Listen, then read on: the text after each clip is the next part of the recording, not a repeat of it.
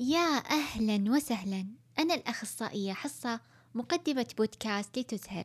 وسميته لتزهر لأن لن تستطيع أن تزهر بالحياة ما لم تزهر من داخلك أولا. حلقة اليوم الجزء المفقود. استلهمتها من العالم دينيس براجر. أوجد مصطلح سماه متلازمة المربع المفقود. ومثله مثلا لو شخص دخل غرفة كل شيء فيها رائع. وسقفها فيه تسعة وتسعين مربع مكتمل. ما عدا مربع واحد مفقود. فيروح هذا الشخص يترك كل المربعات المكتملة ويركز على هذا المربع المفقود. ويقول دينيس الناس يميلون بطبعهم إلى التركيز على ما هو مفقود بدلا من التركيز على ما هو موجود. هذا جيد بالنسبة للأسقف لأن يمكن جعلها مثالية. لكن الخطر هو عندما يطبق نفس التركيز على الحياة الواقعية. فالمقصود أن من طبيعة الحياة ليست مثالية ولا يمكن أن تكون خالية من المشكلات أو النقص. لكن لما نركز على الجزء المفقود منها ونترك الكثير من الأجزاء الجميلة والمكتملة بحياتنا اللي تستحق الالتفات لها. هنا تسلب منا مشاعر الرضا والامتنان والسعادة وتستبدل بمشاعر النقمة والندم. طيب بناخذ أمثلة على التركيز على الجانب المفقود مع نفسنا ومع الآخرين. بنبدأ بأمثلة لما نركز على الجانب المفقود مع أنفسنا. مثلا واحدة جوانب حياتها كلها ممتازة ما عدا الوظيفة. للحين ما قدرت تتوظف. فدائما بس مركزة على هذا الجانب وما تفكر إلا فيه. لدرجة تأثر على نفسيتها أثر على حياتها انعمت عن كل الجوانب الجميلة بحياتها اللي تقدر تستمتع فيها وتقدر تستثمر فيها. أو شخص غلط غلط في الماضي أو اختار اختيار ما كان مناسب. فدائما مركز على هذا الغلط ودائما يجلد نفسه ويلوم نفسه عليه. ونسى الجوانب الكثيرة اللي استفادها من هذا الدرس اللي ممكن ما راح يتعلمها لو ما دخل في هذا الدرس أو هذه التجربة. ونسى أن من طبيعة البشر أنهم عادي يغلطون لكن المهم أنهم يتعلمون. ونسى أشياء كثيرة سواها بالماضي كانت رائعة. وركز على غلط واحد كان في الماضي. أو مثلا وحدة ربي ما بعد رزقها بأطفال. ومركزة كثير على سالفة الحمل لدرجة هذا التركيز أعماها عن كل النعم بحياتها وأثر على نظرتها لنفسها. وبدت تحس بالنقص رغم أنه ما في نقص. ربي ما بعد كتب لكن من شعورها بهذا النقص الوهمي اللي هي تحسه صارت تتجنب الاجتماعات صارت تتجنب الجلسة مع الناس لأنه تتوقع أنه يبي يسألونها أو تخاف من أنهم يسألونها. النقطة الثانية كيف نركز على المفقود مع الأشخاص؟ في العلاقات مثلا العلاقات الزوجية لما الزوج يركز على جانب واحد ويترك كل الجوانب الرائعة بزوجته لدرجة ينعمي عنها. وعلى هذا المثال تذكرت بيت للشافعي يقول عين الرضا عن كل عيب كليلة لكن عين السخط تبدي المساوية. أو مثل الآباء والأمهات لما يكون كل شيء في أولادهم تمام لكن شيء واحد بسيط مو عاجبهم. فيركزون عليه وينتقدونه دائما وينسون كل الجوانب. طيب خذنا أمثلة بندخل بمسببات اللي تخلينا نركز على المربع المفقود. أول نقطة التربية. التربية لها تأثير جدا كبير على حياة الشخص. لما مثلا شخص يتربى مع أب وأم دائما يقارنون حياتهم بحياة الآخرين. الناس عندهم ما عندنا جابوا ما جبنا سافروا ما سافرنا. فيتعود إنه دائما يقارن نفسه بالآخرين ويشوف الأشياء اللي ناقصته ويشوف الناس اللي أفضل منه. ما يربونه على أنه يشوف النعم في حياته.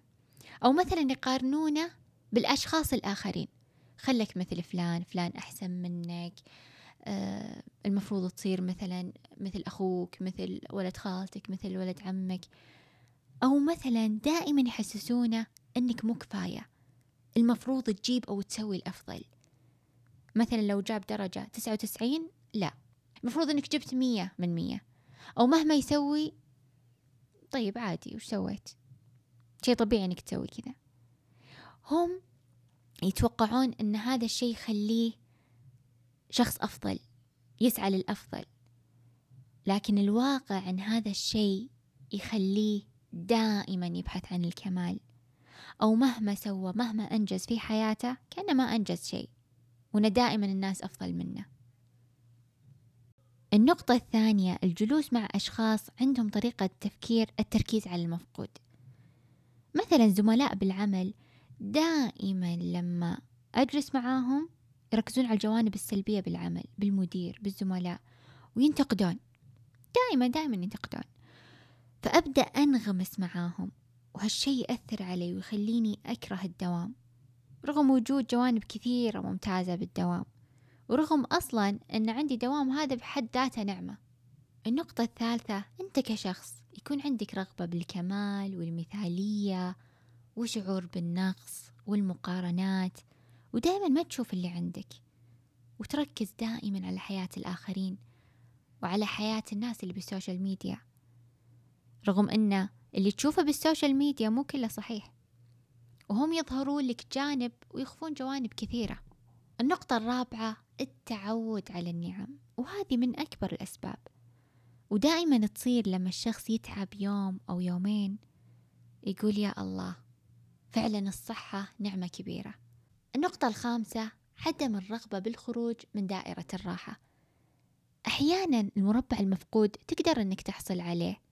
بسعيك للتغيير بمساعدة نفسك بتعلمك مهارة معينة بتحمل مسؤوليتك. ما تخلي الظروف والأمور الصعبة اللي مريت فيها شماعة لك وتستمر بالمعاناة. نقاط تساعدك للتكيف مع الجزء المفقود. أولا تذكر التركيز على المفقود يفقدك الموجود. خليك دائما شاكر وممتن قولا وفعلا. قال الله تعالى ولئن شكرتم لأزيدنكم. لا تنتظر تخسر النعمة اللي بين يدينك عشان تعرف قيمتها. لا تنتظر تخسر صحتك أحد من أهلك علاقة جميلة في حياتك أو أي نعمة بحياتك عشان تعرف قيمتها. فتخسر خسارتين خسارة هذه النعمة وخسارة عمرك اللي راح وأنت مو مستشعرها. في حديث عن الرسول عليه الصلاة والسلام انظروا إلى من هو أسفل منكم ولا تنظروا إلى من هو فوقكم فهو أجدر ألا تزدروا نعمة الله عليكم. النقطة الثانية تساعدك المراقبة الذاتية على وعيك بأفكارك ومشاعرك وطريقة تعاملك مع نفسك والآخرين. ابدأ لاحظ واكتب يوميا.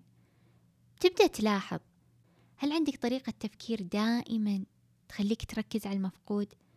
هل سلوكياتك تعزز تركيزك على المفقود؟ هل تلاحظ أنك شخص كثير ينتقد نفسه ينتقد الآخرين يبحث عن الجوانب الناقصة والسلبية؟ النقطة الثالثة احصل على المربع المفقود إن كنت تستطيع. اسأل نفسك هذا الجزء المفقود في حياتي هل يمكن أني أوصل له؟ طيب إذا أقدر أوصل له إيش الخطوات أو الأهداف اللي ممكن أحطها وأسعى لها عشان أقدر أوصل له؟ النقطة الرابعة استبدل هذا المربع المفقود. مثلا ما قدرت أدرس الحين؟